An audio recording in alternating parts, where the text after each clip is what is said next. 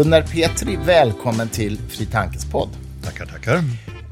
Du är ju snart aktuell med en bok om upplysningen, helt enkelt. Den idéhistoriska rörelsen Upplysningen. Men innan vi pratar om själva boken så vill jag prata lite om dig.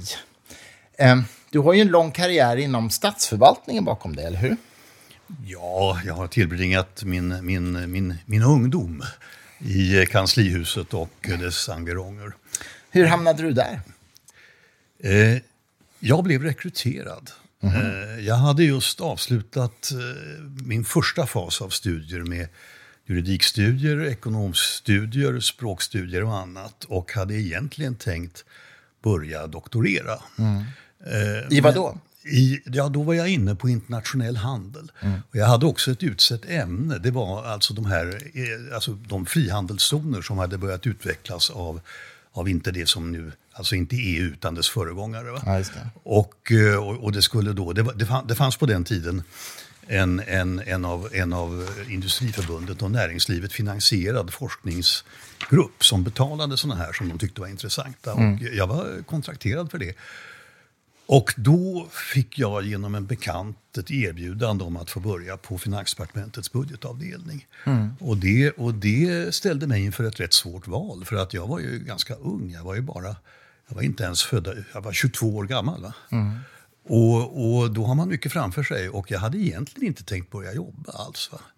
Men, men å andra sidan så tänkte jag att är det verkligen ett liv inom akademin du vill ha? Vill du inte ha sett världen först på något sätt. Ser man världen från eh, ja, men man kanslihuset? Man, man, ser, man ser det praktiska livet, ja. handel och vandel, politik, ekonomi, mm. förhandlingar. Du ser en ja, värld som lever. Va? Och, och, och, och, och sen tänkte jag att nu har jag fått den här frågan och den får jag väl inte igen. Så att jag högg på det då. Och på den vägen var det. Och sen var Vem var det som handplockade dig?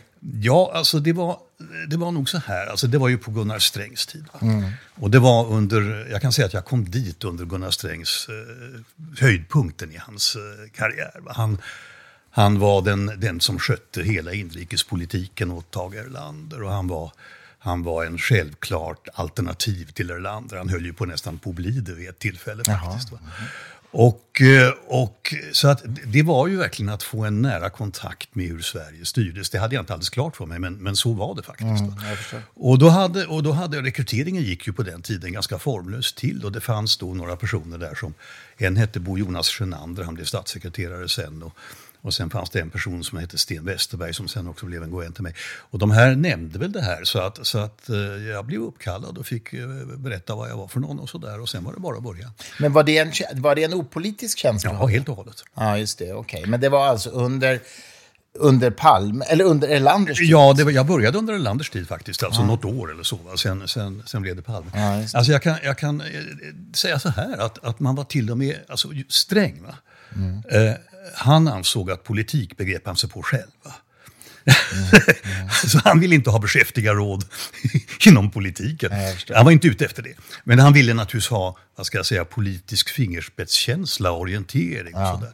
Men, men, men han, han var faktiskt, det fanns en liten tradition av att alltid se till att det fanns på budgetavdelningen åtminstone någon eller några personer med uttalat liberala värderingar. Ja, ja, ja. Eh, Smart. Jag hade några föregångare i den, i den, För du hade det, menar du? I den gruppen, så att, ja. så, att, så att eh, så vidsynt var man på den tiden. Och du hade det, anser du? Ja, alltså jag, jag, jag hade varit lite aktiv i Liberala studentklubben och sånt ja. där. Va? Och uh, gjort mig lite nyttig på olika vis. Och hade också förvärvat, får man väl säga, från från, från läsning och studier och annat. En, en, skulle man kunna, ska man beteckna mig som person från ungdomen och fram till nu så är det liberal. Ja. Som är, som är en, en etikett som lätt fastnar. Jag förstår. Eh, men, men, så det fanns föregångare till mig och det var liksom meningen. Ja, eh, och den här Sjönander som då var, blev min första chef, han, alltså det var en sån där eh, befordringsgång. Det var, det var så att Christer Wickman ja. blev statsråd. Eh, och Kjell-Olof Fält blev statssekreterare. Mm. Och den här Sjönander då, han blev budgetchef och jag blev kanslisekreterare. Ja, ja, ja, okay. Vilket gäng du var med. ja, men alltså de här, de här var ju duktiga. Det var intressanta personer faktiskt. Mm. Det var det. Men träffade du Elander liksom? Nej, aldrig. aldrig. Men, men, men Sträng förstås. Ja, Sträng förstås. Mm. Hur var han som person? Jag minns honom från min barndom. Jag är ju lite yngre än vad du är, så att jag har ju ingen, ingen känsla för vad han, hur, vad han var som, hur han var som politiker. Men jag, jag minns ju liksom hans appearance från tv. Alltså, alltså Sträng var ju en, en karismatisk och fascinerande person. Mm, han var det va? Och eh, om jag börjar med då just en underordnad tjänstemans utgångspunkter så var han en bra chef. Alltså han krävde lojalitet men han gav igen lojalitet. Mm. Eh, och han var ju en oerhört receptiv person. Vänta, vad är det som låter? Det är min förbannade apparat i öronen. Jaha, okej. Okay. Nu har den slutat. Ja, ja, det är lugnt. Mm. Han, han, han, var en, en oerhört snabb och receptiv person. Mm. Och oerhört arbetsam. Mm. Eh, sen så eh, var han ju till sin personlighet i grunden en borgerlig människa. Jaha. Alltså han, han i någon lite slagordsmening sådär, att han, ja. han alltså var mån om att eh, familjer skulle hållas ihop och, och, han var road av konst och han läste ganska mycket. Mm. Och han skötte sin ekonomi som han skulle sköta sin mm. ekonomi. Och han, så han, och han liksom jobbade mycket men familjen skulle ha sitt och så tillbringade man sommaren tillsammans på ett sommarställ. Och så där. Ja. Det, var, det var på det viset. Så Konventionella ju, familjevärderingar precis. så att säga. Mm. Men, och sen var han en, en helgjuten person i politiskt hänseende. Det var ju så uppenbart vad han uppfattade sitt uppdrag vara. Och det var att utveckla den svenska arbetarklassens intressen. Mm. Eh, och, och, detta mm. var en enkel och praktisk ledstjärna. Mm. Nej, men fascinerande. och alltså. hängde ihop med hans bakgrund och alltihop. Men han, han intresserade sig lite grann för de unga tjänstemännen också. Och, och sådär. Och mm. Jag kan inte säga att jag blev bekant med honom naturligtvis nära på något sätt, en mm. mindre god vän. Men, men, men, men han, han, alla för oss som var för alla oss som var unga så efterlämnar han ju ett outplånligt intryck, det mm. måste jag säga. Men sen kom Palme, träffade du honom? Palme träffade jag några gånger i hans, i hans roll som utbildningsminister. Vad var ditt intryck av hans persona? Hans person? Han var inte intresserad så värst av, av, av det. Han var, hade sina tankar på andra håll under det sista året som utbildningsminister. Mm. då, då var successionen på väg. Och, eh, så att, eh, alltså, jag träffade honom i ett mycket specifikt sammanhang och det var det att eh, varje höst så skulle då eh, budgeten bestämmas. Va? Mm. Och det var då ett massa eh, palavrer och allt möjligt då, alltså i förhandlingsmaskineriet. Men det slutade då med höjdpunkten för de här yngre tjänstemännen. Mm. Det var då den här överläggningen mellan finansministern och fackministrarna. Och eh, där fick man vara med då. Va? Och, mm. Och, där, och jag var med både vid ett tillfälle då när Palme var utbildningsminister och sen vid några andra tillfällen. Och där var ju tonen ganska rå. Va? Eh, och, eh, och, men inte mot Palme. Mm. kan man säga. Ja. Men utan det, det, var, en, det var en, en, en, en, en lite känslig relation, uppfattade jag det som i alla fall, just då. Intressant. intressant. Men, men du, um, jag, jag, tänker på en person som jag kom att lära känna när han var betydligt äldre, men som borde ha varit med på din tid. Det var ju Jan O. Karlsson. Ja, visst, känner jag, känner jag väl. Ja. Eh, mm. Vi kom att bli väldigt goda vänner faktiskt också mm. på, på äldre dagar. Och, eh, han, han, jag får se om du håller med mig, men han var ju en fascinerande person därför att han var ju väldigt kulturellt bildad ja, och väldigt bildad. Också genom sitt äktenskap faktiskt. Ja, ja med Clary, ja mm. absolut. Men, men och, och jag jag hade så roligt åt honom, för jag brukar alltid säga när vi, när vi träffades och käkade middag, vilket vi gjorde ganska ofta, så pratade han alltid 90 procent av tiden. Men det var hela tiden intressant, så det gjorde inte så Nej, men han, han var ju en, en högt begåvad person ja, och, och, trevlig som medmänniska och, ja. och full av anekdoter. Ja, verkligen alltså. Och, och tillhörde ju, han tillhörde ju den här kretsen av personer som som tidigt kom in när man började bygga upp statsrådsberedningen. Ja. Och, och, och, som bekant då så hade ju Erlander bara haft fru Nygren. Va? Mm. Och så hade han haft en, enligt, om man läser hans memoarer, han, på varannan sida står det där hur hopplös den attaché från UD var som, som heter Söderblom, som, som var knuten till hans kansli. Men, men sen, sen kom det ju en rad yngre begåvade, Palme var den första. Va? Ja. Och, och Jan O Karlsson var ju någon av de tredje, fjärde, femte eller något ja, sånt där. de, de, de blev ju präglade av det och de, de präglade också av, av en slags kombination av förtjusning i makt och ansvarskänsla. Ja. Jag har många fina minnen från Fårö faktiskt, mm. där jag tillbringade många somrar eh, med, med Jano. Mm. Vi spelade gitarr och drack vin. Och... Det kan sjöng och pratade. Väl, väl förstå faktiskt. Ja. Han, han, han sökte sig till inte, Han var lite grann som Christer Wickman till sin läggning. Ja, ja, ja, honom känner jag inte alls. Men, eh, ja, ja, men vad roligt. Men du, eh, var kom du ifrån eh, ditt eget familjehem, så att säga? Vad gjorde dina föräldrar? Vad var det för uppväxtmiljö du kom ifrån? Ja, jag kommer från en, en, eh, en, en burgen eh, ämbetsmannamiljö. Min, min far var universitetskansler och landshövding. Min mamma var lärarinna i franska på Nya Elementar. Eh, mina släktgrenar bakåt går till brukspatroner och till andra personer av den typen. Eh, Så det var ett hem med böcker? det var ett, och min far var också under en, faktiskt under en period, han hade en mångskiftande karriär, men han var också faktiskt förläggare ett år. Jaha. Han var vd för Norstedts i, i unga år. Efter att han, han blev själv, han var, han var eh, en kort tid statssekreterare åt, eh, åt Gunnar Myrdal. Han kom till kanslihuset som jurist och, och det, det var ett jobbigt, ett jobbigt år förstod jag för honom. Men, men eh, så att eh, denna min bakgrund är ju, är ju då eh, ingenting som jag skäms för, men ingenting heller som jag tror gynnade mig. Jaså, inte? Varför då? Ja, inte, ja, men ingendera. Alltså, alltså det, det är det jag vill markera. Det, det, det, var, det, det, är ingen, det, det, var, I i Strängs finansdepartement så var, det, var man inte, inte ute efter annat än vad personerna dög till själva. Och så. Nej, jag förstår. Jag förstår. Ja, men vad spännande. Ehm, sen, men sen vet jag ju att du under en period eh, kom att arbeta med eh, populärkultur eller populärmusik. Stim. Det kan man säga. Nej, alltså jag, jag, jag, var under, jag, jag tuschade ju politiken då under ett, två år ungefär. eh, När jag blev statssekreterare i försvarsdepartementet. Eh, när, under alltså, när, när Fälldinregeringen sprack. Va? Eh, Den första. Så att då- var jag ju, då måste jag ju bekänna kort. Då var jag ju så att säga, statssekreterare i en folkpartistisk regering. va? Och sen en bit därefter också. Och, och, och det tyckte jag ju var fascinerande på alla sätt och vis. Va? Väldigt jobbigt. Eh, Men eh, Och vem var din minister då? det var först Lars De Geer och sen Erik Krönmark. Eh, Men så att säga, en, en aktiv politisk karriär har aldrig fallit mig in. Det, det är inte min läggning. Nej. Men det blev STIM sen. Ja, sen blev jag generaldirektör för ett verk inom försvaret ett tag.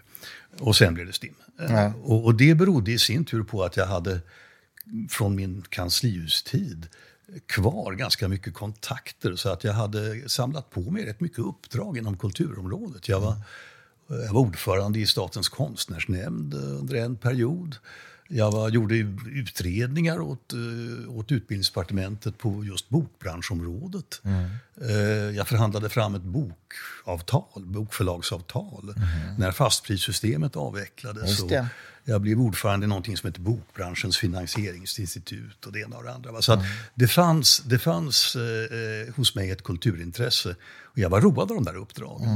Och det var nog det som ledde fram till det. Va? De, Stim sökte en ny vd, de hade sparkat sin förra. Eh, och då, var det ju liksom, då är man, blir man ju alltid mån om att det, det är en väldigt bra position för efterträdaren. Ja, ja, det är klart. Och då ville man ha någon. Och då hade man väl tänkt sig då att det var kanske bra. Jag hade hållit på då med, med, också med sådana saker som... Eh, som Upphovsrättsfrågor. Upphovsrättsfrågor och, och jag menar, även IT-frågor när jag var i försvaret. Alltså, vi, Ja, vi köpte datasystem åt försvaret och de där sakerna. Så att, så att, men framförallt var jag road. Jag, jag, jag var lagom gammal och jag var trött på statsförvaltningen lite grann. Så var det. Och vilka år var det här då som du var i STIM, hos STIM? Jag blev väl vd för STIM någon gång 1982 eller något sånt där, om jag minns rätt. Och det var ett jobb som passade mig som handske, handske, hand i handske. Och jag, jag älskade det från dag ett. Ja, ja, ja. Hur länge var du kvar där då? Ja, jag var vd i 14-15 år och sen blev jag styrelseordförande i 7-8 år till. Ja, ja, ja. Så att det, det var en lång tid. Så du har jobbat med alla de här, Björn och Benny och andra? Ja, det, det har jag ju. Och, eh, Men framför allt kan jag säga att jag var ju, jag var ju besjälad av uppgiften. Ja. Alltså, alltså att, att se till att eh, skapande ord, ton, konst, vad det nu kan vara, att det, att det belönas. Att, att det lönar sig att, att, att verka som konstnär och som upphovsman. Och också, det hänger lite grann ihop också med ett fritt konstliv, ett fritt kulturliv. Eh, och det handlar också om respekt för upphovsmannen och det handlar alltså, det finns, det finns, det finns en liberal grund i upphovsrätten kan man Ja, säga. det är klart. Och, och, och, så, det, så det tyckte jag var att en, en livsuppgift som fyllde mig med entusiasm. Och det är ju intressant för att just det där området, nu ska vi inte ägna oss åt det så mycket i podden, men just det där området är ju satt under väldigt hård prövning nu av två skäl. Dels digitaliseringen, alltså spridandet av digitalt material på mm. nätet. Och det andra är ju förstås artificiell intelligens som kommer att börja skapa mm. egna verk mm. som kan då baseras på en annan musikers verk eller röst till exempel. Och det där skapar ju massa nya problem för upphovsrätten. Ja, det kan man gott säga. ja, så det, det, det, ja, men där är du inte längre. Nej, och möjligen skulle jag kunna säga att jag är kanske tacksam för det. För ja, ja. Det, det var en sak, alltså under min tid så hände det också ganska mycket. Alltså det, var, det var ju mediaförändringar i, i slag i slag. Alltså det var en mekaniserad musik så kom CD-skivan ungefär när jag började. Ja, och sen kom reklam-tvn och kanalspridningarna och nya spridningsformer och så kom strömningstjänster och alltihopa. Så det har ju varit, det är alltid stora förändringar. Ja, ja. Men då har ju problemen varit hur ska vi nu kunna få tag i de här som använder dessa verk och hur ska vi få dem att betala? Mm. Och hur ska vi kunna dela ut pengarna? Det är liksom ändå en påtaglig uppgift. Va? Mm. Mm. Men det här andra du nämnde, nämligen AIs uppdykande mm. är ett mera existentiellt hot faktiskt. Alltså. Mm, ja, det är många som eh, säger det. Ja. Och, och, och, eh, jag har ju försökt förstås förstå och hänga med lite grann om det där. Och jag kan inte förstå annat än att man måste gå tillbaka till upphovsrättens grunder. Alltså det har aldrig varit skyddat att imitera någons stil. Va? Nej. Att, att skriva som Strindberg får man göra. Va? Mm. Eh, utan det är ett formskydd. Man får inte skriva precis som Strindberg. Eh, och på något sätt undrar jag om inte detta måste upprätthållas. Alltså, eh, ett, ett, man får helt enkelt granska det som kommer fram ur AI-apparaten och fråga sig, är detta ett plagiat? Ligger det så nära mm. att det är ett plagiat? Mm. Eller är det må hända ett självständigt verk. Som har inspirerats bara av? Som bara har inspirerats eller, eller lånat vissa drag av. Mm. Eller sådär. Och där finns ju en lång tradition av, av, det finns massor med professorer som har grubblat om, över det där mm. och det finns massor med rättsfall och sådär. Men jag tror att det är den approachen eh, som man måste ha. Och sen mm. måste man ställa sig, det är första frågan då, är det, är, det, är det ett skyddat verk eller är det någon annans verk? Mm. Och sen måste man ställa sig frågan, har det verkshöjd? Mm. Och det är ett tredje begrepp. Då, va? Mm. Eh, och ja, vad är det då? Ja, det är samma sak där. Det finns mm. hur mycket tänkt och, och, och sådär. Ja, det här är ju en oerhörd gråskala. och där kan man väl säga att, att där tror jag att utvecklingen eh, har skapat ett problem. Alltså innan AI kom så har man ju jag kan säga att i svensk rätt i alla fall så har man nästan övergivit begreppet verkshöjd. Ja. Alltså för 50 år sedan så, så betraktade man inte vad, så att säga, hemglassbilens trudelutt eller, eller ett, ett, ett brev där man, där man bara skriver till sin sekreterare beställ en bil eller vad som mm. helst. Va? Det gav inget skydd. Nej, men det gör det nu. Mm. Eh, och det beror på, på eh, medieutvecklingen och också på en slags eh, urvattnad respekt för ja. huvudtanken bakom upphovsrätten. Ja. Och där har man gillrat sig en fälla när AI kommer. Ja, jag tycker det är intressant därför att, eh, jag menar, ta en sån begåvad kompositör som Benny Andersson till exempel mm. i Sverige, eh, som ju många menar är ju väldigt inspirerad på Puccini, tror jag det är, om jag minns det rätt. Säkert. Um, i, I en del av sina musikalkompositioner. Mm. Men, men det är ju ingen som skulle hävda att, att, han, att det är plagiat för det, mm. men man kan ändå höra saker som är liksom... Mm Samtidigt som man kan tänka sig om, om, du, om du har en AI som har tränat sin kompositionsförmåga enbart på Abbas låtar till exempel och sen då producerar en ny låt men som låter väldigt mycket ABBA. Så. Då undrar man ju om inte ABBA borde ha någon slags liten del av den intäkten. Ja, ja. inte minst för att omvärlden då vet att det här är en låt inspirerad av ABBA och antagligen kommer den lyssnas på mer på grund av det. Eller kanske till och med skulle kunna ha rätt att säga ni får inte framföra det här. Ja, precis. Det är alltså, oerhört svåra alltså att, att göra det här är ju, är ju var och en tillåtet. Ja. Utan det blir ju ett upphovsrättsintrång ja, först när man gör det kommersiellt ja, tillgängligt, ja. tillgängligt och nyttigt. Och, och där skulle man väl mycket väl kunna säga, det, det är flera rättsfall på gång i USA där man alltså försöker förbjuda sånt här. Ja, ja. ja det är spännande faktiskt. Jag läste senast om det idag, att det var någon just som hade fått sin, sin röst och sina gester. Just det. Eh, jag har sett det också. Ja. Och, och, det är klart att då, då är det väl nära till hands att tycka att så får man inte göra. Mm, mm. Ja. Men, det men det här är, hur svårt som helst. Alltså, ja. det är det. Du, innan vi kommer in på din, din, din, bok, bara en sista fråga om dig. Eh, eh, ditt, ditt efternamn, Petri, var kommer det ifrån? Min farfars farfar Ja. eh, gjorde den klassiska svenska ståndscirkulationen. Han var en torparpojke som blev uppmärksammad av prästen i socknen. Eh, som skickade, såg till att han blev skickad till Uppsala och fick studera till präst. Varpå han eh, tog honom som fosterson. Och, det, och, denna, och sen gifte sig då min farfars farfar med den här prästens dotter.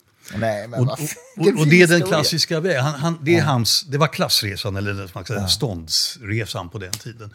Och namnet Petri betyder ju Pettersson, alltså det är Pers son. Och hans Ah. eh, präst nummer ett där alltså hette Per i förnamn. Så att, det är ett latiniserat namn, mycket vanligt i prästsläkter. Ja, ja, ja, okej. Och sen, sen, var de i, sen var de i sex generationer prästvigda präster i Strängnäs stift. Menar du det? Ja.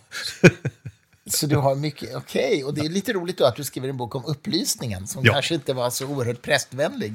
Ja, det där var en gren av familjen, sen var det andra som gjorde andra saker. Men ändå, det, du, du ställde frågan och där har du svaret. Ja, ja, ja. ja. Strängnäs dessutom. Ja, Strängnäs är min... eh, Jag växte ju upp i Mariefred och gick i gymnasiet i Strängnäs. Ja, där gick de allihopa i det gymnasiet. Ja, ja, ja, men jag blev inte präst. Eh, nej men du, Gunnar, nu har du alltså skrivit en bok om upplysningen som kommer eh, snart, men inte riktigt ännu. Ehm, lite grann beroende på när den här podden släpps förstås. Ka- Berätta, hur kom det sig att du ville skriva en bok om upplysningen? Eh, jag ville skriva en bok om upplysningen därför att jag tyckte att det behövdes. Det är det korta svaret. Va? Eh, och sen upptäckte jag när jag då eh, satte igång och, och verkligen göra det, så kom jag att få min gissning bekräftad. Ja, okej. Så det är det korta svaret. Ja, men hur, hur bekräftades den då? Ja, alltså, alltså... Det är många som, som eh, försöker förstå vad som händer i världen och det finns många som har åsikter om det. Och jag vill inte hävda som någon grundidé att man ska gräva tillbaka i historien eller att historien har så förfärligt mycket att lära oss. Men jag är ganska säker på att det finns vissa så att säga, väsentliga vändpunkter i, i mänsklighetens historia. Och jag tror då att upplysningen var en sådan.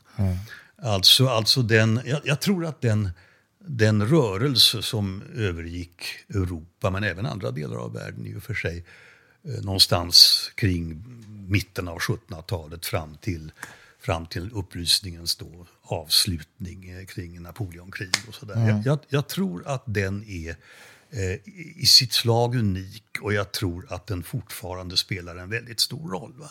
Och jag upptäckte också under arbetet med det här att eh, upplysningen spelar en mycket större roll än vad jag hade förstått i, i historien bakåt. Den har alltså använts, utnyttjats. Va?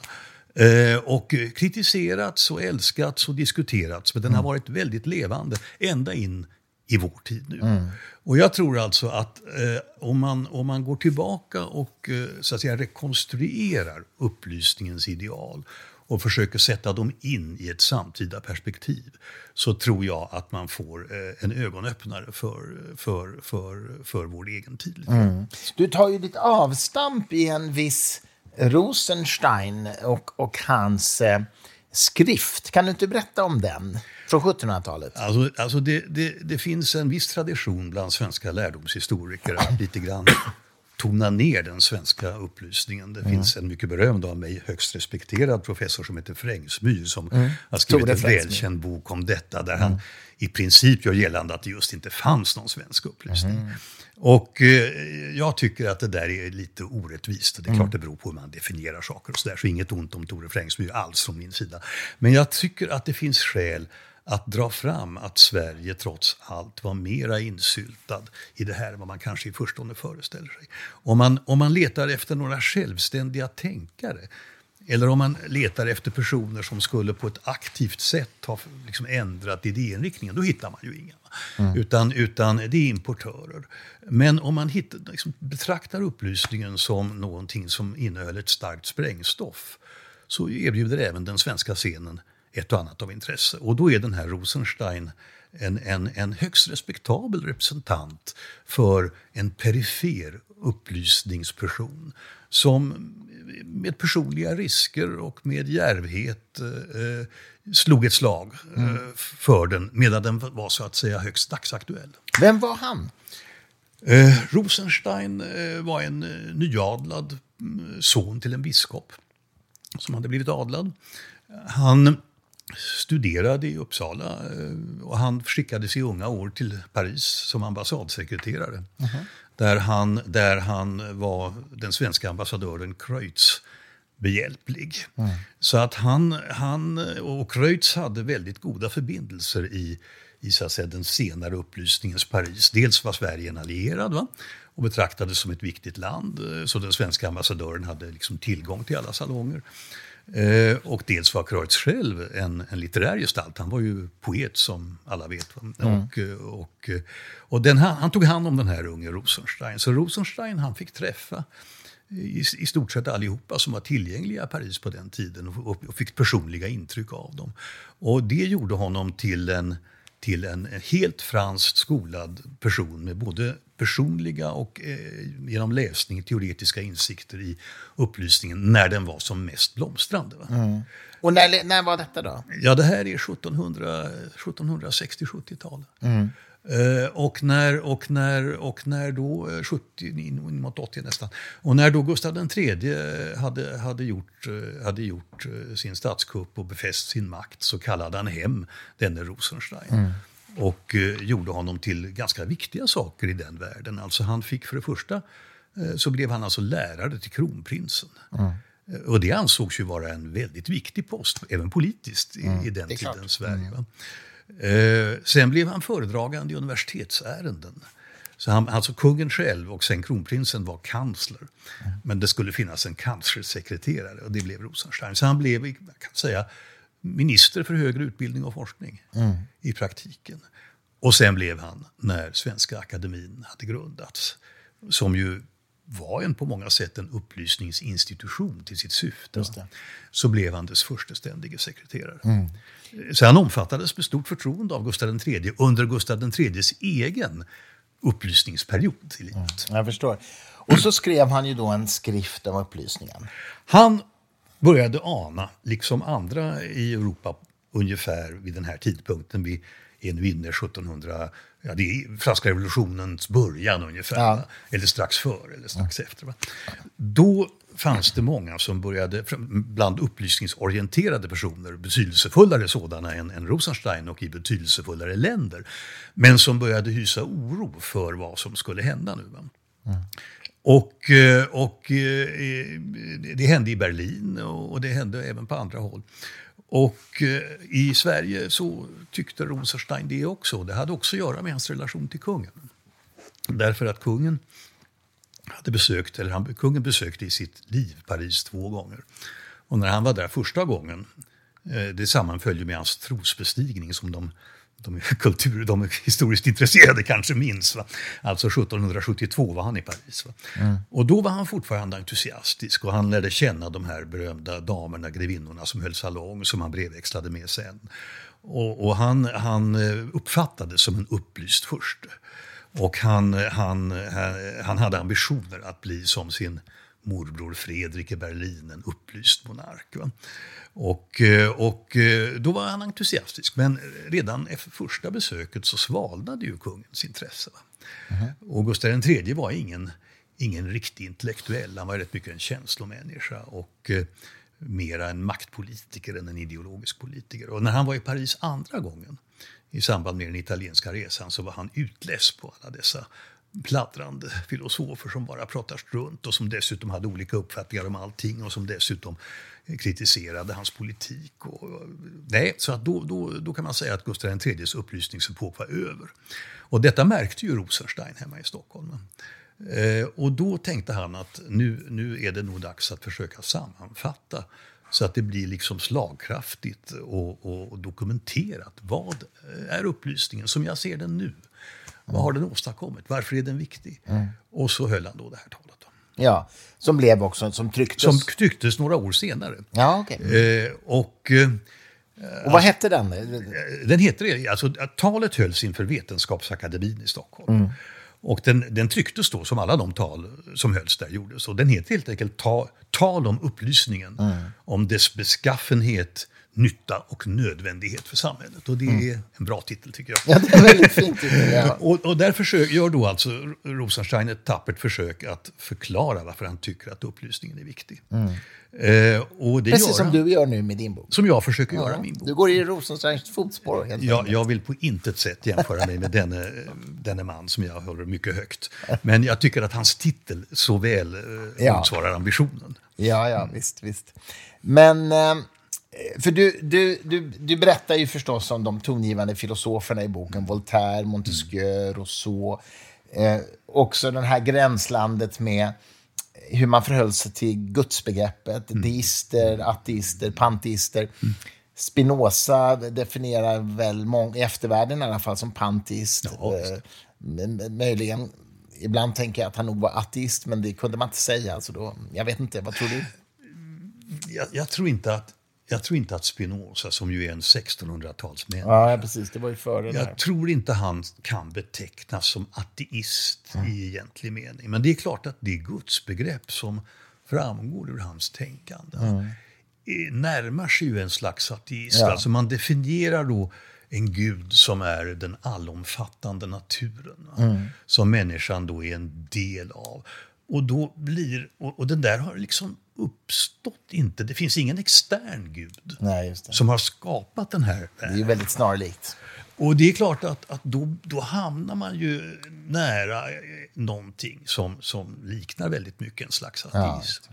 Och det var ju orsaken till att Spinoza blev ju också mycket riktigt utfryst överallt. Va? Ja, utkastade ur judiska församlingen judarna också. vill inte ha med honom att göra och de här, de här kalvinistiska holländarna vill inte ha med Nej. honom att göra och katolikerna vill inte ha med honom att göra. Nej. Och, och, det, och han blev, alltså Spinoza blev på något sätt upplysningens urateist. Ja, urfader till upplysning. Ja, i någon mening, men framförallt dess urateist. Ja, ja, mm. Alltså, de, alltså spinozist, spinozist blev redan på 1720-talet eh, alltså ett, ett farligt skällsord. Alltså att bli betecknad som spinozist var att omedelbart utsätta sig för egentligen alltså förföljelser även i ganska upplysta länder. Och till och med som i England. Va? Så det var nästan ingen som ville bli bekännande spinozist. Nej, nej, det där är intressant. Alltså. Eh, Men han lästes ju av, av de initierade. Och därför tror jag att man måste säga att Spinoza var en väldigt, som du själv sa, han är på något sätt en startpunkt för upplysningen. Ja, därför att mening. ingen hade före honom varit så djärv i sina uttalanden. Nu var det ju, han skrev på latin, han Mm. skrev, oh, det var svårt att läsa, det var ingen, han var ju ingen bestseller. Va? men, men den fanns och den levde ju ända fram in i, in i till, till och med Goethe. Sen? Ja, ja, ja, precis. Ehm, men, men, men, sen, men, men du skriver ju om Voltaires viktiga roll förstås. Och Montesquieu, vad, vad, säger, vad säger du om hans roll i det här? Alltså för mig och för många inom den vad ska jag säga, nu samtida forskningen om upplysningen. Alltså Montesquieu var nog ganska länge rätt bortglömd. Ja, Alltså han, han var ju ingen sån här flamboyant talare eller någon som gjorde någon politisk karriär eller sådär. Utan han var en privatlärd som, som satt nere i Bordeaux och skrev sitt livsverk. Eh, men eh, han har gjort en comeback eh, i allra högsta grad. Alltså, så att nu framstår Montesquieu, tror jag, ganska oomstritt som den, i varje fall den som har skrivit det individuellt mest inflytelserika verket i hela upplysningslitteraturen. Och det är då den här berömda Lagarnas anda, som liksom inte alls har haft den rollen tidigare. Även om Montesquieu lästes och har lästs under hela den här tiden. Men, men eh, Därför att vad, vad som har liksom framkommit så här i efterhand och blivit aktuellt redan nu, det är den... Det, alla känner till det här med maktdelningsidé och sådär. Ja. Och lite klimatlära och sånt. Och det, och det har, har man då funderat på, har man tillämpat det i den här konstitutionen eller inte? Men det grundläggande med Montesquieu, som vi ju ser omkring oss varje dag, det är hans analys av, alltså han avskyr despoti. Eh, han var empiriker, han tittade sig runt och försökte se hur världen verkligen såg ut. Inte bara i Europa, utan även på andra håll. Och där hittade han ju olika typer av styrelseformer. Det fanns oligarkier och plutokratier och det fanns despotier. Va? Och, eh, och eh, han mätte och vägde dem där, va? som en empiriker gör. Men som en genomgående linje ligger hans avsky för despotismen. Och den kan då, upptäckte Montesquieu, den kan utövas i många sammanhang. Alltså det kan finnas i republiker. Eh, Den kan finnas i absoluta monarkier, där finns den per definition. Men det kan också finnas monarkier som är ganska så fria. Ja. Mm. Men hans avsky för despotismen är grunddraget. Och hans upptäckt det kan sammanfattas så här. Va? Odelad makt leder alltid till despoti. Förr eller senare. Va?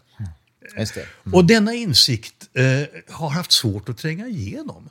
Men just nu, tror jag, både bland statsvetenskapare och bland historiker är den ju aktuellare än någonsin. Ja, ja, och den har, ju händer i visat, världen. den har ju visat sig genom historien vara helt korrekt. Ja. Ger man en gång makten åt en liten klick, eh, åt en smärre grupp, åt en person, åt en klan, åt en familj, så är det kört.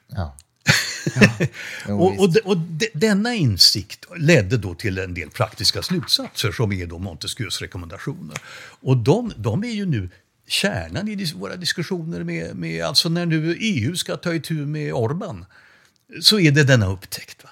Och nu ser vi alla att när liksom ett land håller på att behandlas som Orban behandlar Ungern så leder det spikrakt till en despoti. Eh, och eh, därför ska han stoppas. Och han ska stoppas med Montesquieu som redskap. Eh, och det här det, det är ju något alldeles nytt. Alltså, om, när vi går bara tillbaka till den svenska grundlagen då. Som, alltså, när, när enkammarparlamentarismen kom kan man säga. Inte ett spår av Montesquieu. Okej. Intressant. Det, det, det, de som skrev den grundlagen, de har mindre Montesquieu med sig i bagaget än vad de som skrev 1809 års regeringsform hade. Eh, Vi fick ett enväldigt parlament, eh, en helt avsatt kung, en regeringschef som är helt beroende av parlamentet, som regeringschef som utses av parlamentet, helt osjälvständig domarkår. Det är inte Montesquieu. Nej, nej. Intressant. Och dessutom var det så att de som på den tiden var lite roade av Montesquieu, de betraktades ju som, som eh, högerextrema virrpannor.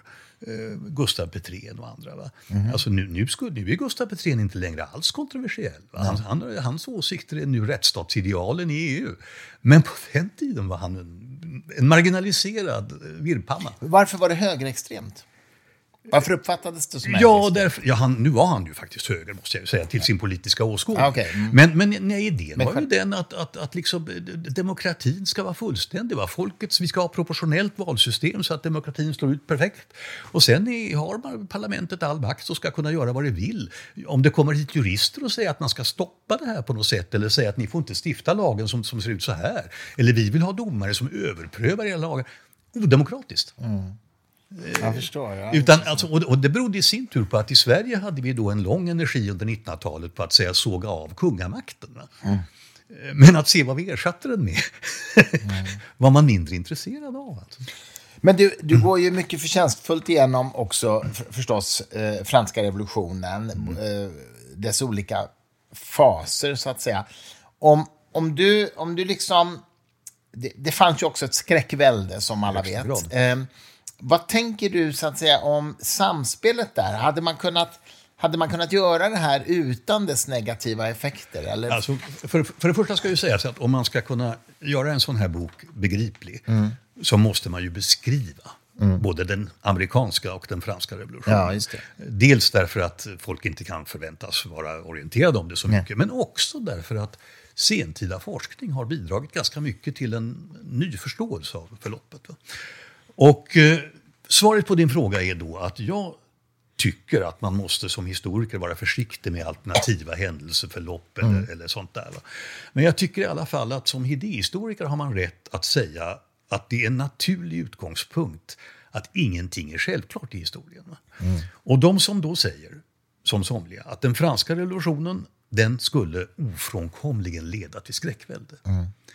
Eh, de kanske har rätt, men de kanske också har fel. Och det var i alla fall tillåtet för oss att filosofera över att de kunde ha fel. Mm, förstår. Mm. Och, eh, och när man ser världen så, då eh, blir det naturligt att dela upp franska revolutionen i, i två faser. va?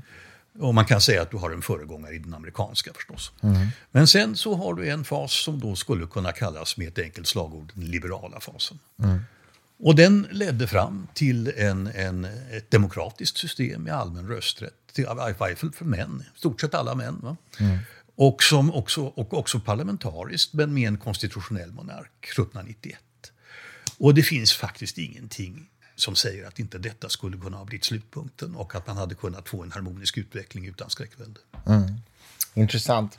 Du berör ju också i, i boken eh, så att säga 1900-talet och, och, ja, det kalla kriget. Du berör Heidegger, postmodernismens framväxt. Mm. Berätta bara lite om vad är det du... På vilket sätt har det med... På vilket sätt har det att göra med eh, berättelsen om upplysningen? På vilket sätt platsar det i en bok om upplysningen? Så ska jag uttrycka det. Uh, upplysningen har ju haft fiender. Mm. Eh, dess första fiende var kyrkan och, eh, och den struktur som maktstrukturerna runt den och monarkierna. Mm. En ganska okomplicerad fiende egentligen för upplysningen som ju som hade lätt att ta itu med den sortens fiender. Sen fick den en eh, annan fiende i form av en motupplysningsrörelse som formades under början av 1800-talet och som kunde dels sönderfalla i en rent konservativ variant. Och då är affischnamnet Edmund Burke. Alltså. Ja, att man helt enkelt säger det att det är alltid fel med revolutioner. Och det är alltid fel med våldsamma förändringar. Och egentligen är det bäst som det är och historien formar själv. Eh, utmärkta institutioner. Därför att de utvecklas och de testas och de prövas. Och, och det här är då naturligt för en person som Burke som var skolad i engelsk common law. Det behövs mm. ju egentligen inga lagstiftare. Va? Vi formar själva våra lagar så de mm. ändras i lagom takt. Och så Det var konservatismen. Eh, men sen så kom det fram en annan typ av motrevolution, eller mot, förlåt, motupplysning. Och den tar sats då i romantiken och nationalismen som tar form under 1800-talet. Det är den ena eh, motupplysningsriktningen. Den andra, anser jag då, motupplysningsriktningen är då marxismen. Mm. Och där har du alltså, marxismen och så småningom marxism-leninismen som ideologisk strömning och så att säga nationalismen, den tyska idealistiska filosofin och, och, eh, och romantiken är den andra motupplysningsströmningen. Och Sen under historiens eh, gång så har, så har de här eh, motströmmarna så att säga bytt skepnad och, och, och, och bytt, bytt, bytt, ändrat betydelse. I början kan man säga så var ju franska revolutionens idéer ganska aktuella. Och de här tidiga revolutionerna i Europa, 1830 1848, de följer ju vidare 1789 års idéer. Mm. Sen kom vi fram till 1870 och då dyker den första marxistiska revolutionen upp i form av Pariskommunen.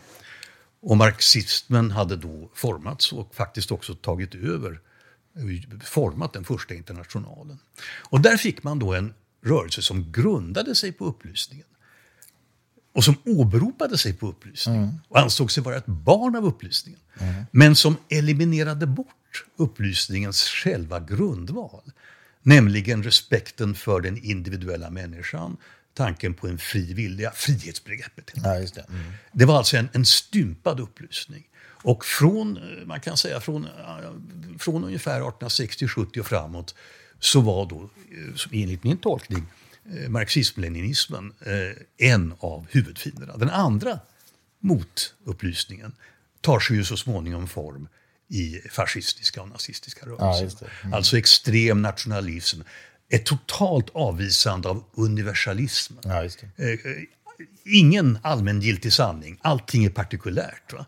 Allting hör inom stammen. Det är ingen idé att försöka flytta folk från en stam till en annan. Eh, det är inte ens rimligt att översätta språk. Det är, vi är för oss och de är för dem och någon universell sanning finns inte. Mm. Det är den livsluften. Och här har vi 1900-talet i ett nötskal. Va, och, och, du menar postmodernismen? Postmodernismen, postmodernismen dyker upp ur det här. Alltså det, det, är ju det är ett flyende begrepp ja, det är det. och det går att definiera det som man vill. Men ska man datera det så är det ju 1968. Mm. Alltså då, då, kommer, då är det en herre som heter Lyotard som då myntar ordet. Va? Ja, just det, Lyotard. Mm. Och, och då, då, jag tror att kanske 1968s viktigaste händelse inte var operettrevolutionen i Paris. Va? Som ju för oss framstår som 68 års rörelse och kanske också amerikanska eh, Black Lives. Och sånt där? Det, mm. den, den viktigaste händelsen 1968 var, tror jag, händelserna i Prag. Mm. när alltså Pragvården slogs ner det, av, av, av Warszawapaktens ryskledda trupper. Ja, eh, med stor kraft, många döda och med ett totalt förtryck efteråt. Alltså efter det eh, så kunde inte ens de mest rättrogna marxister riktigt, riktigt, riktigt hitta rätt i tillvaron. Och då uppkom ju den här idén att det var fel på stora berättelser. Det var ju huvudtesen. Mm. Alla stora berättelser innehåller lögner, är förtryckande, måste dissekeras. Och de två stora berättelserna, det var ju marxismen, leninismen var nummer ett va? och upplysningen var nummer två. Mm. Uh, och här hittar du då uh, vältaliga företrädare bland franska filosofer, inte bara där, men huvudsakligen mm. där. Va? Mm. Som på olika sätt, spännande, ofta litterärt, roligt, Foucault, jätteskoj att läsa. Uh, men men de, de, tar upp det här. Va? Och man kan ju säga att Eh, slutpunkten för den här eh, illusionen med marxismen den kom lite senare då i form av de här böckerna, om ni kommer ihåg dem, som hette Le Livre de Noir du, du, du, du kommunism, alltså kommunismens svarta bok, där man, räknade, där man plötsligt kunde börja jämställa Stalin och Hitler. Mm. Eh, och, och, och, men det är klart att efter 68 så har ingen hedlig människa kunnat tro på den renodlade marxismen som något politiskt alternativ. Mm. Och Upplysningen åkte ju med av bara farten eftersom eh, marxist-leninisterna, Stalin själv, ansåg sig vara ett barn av upplysningen. Ja, just det. Ja, just det. Jag förstår. och, och, och, och, upplysningen, det, det, gick ju så långt som de belästa kanske minns att man gjorde ju till och med upplysningen ansvarig för folkmordet i Tyskland.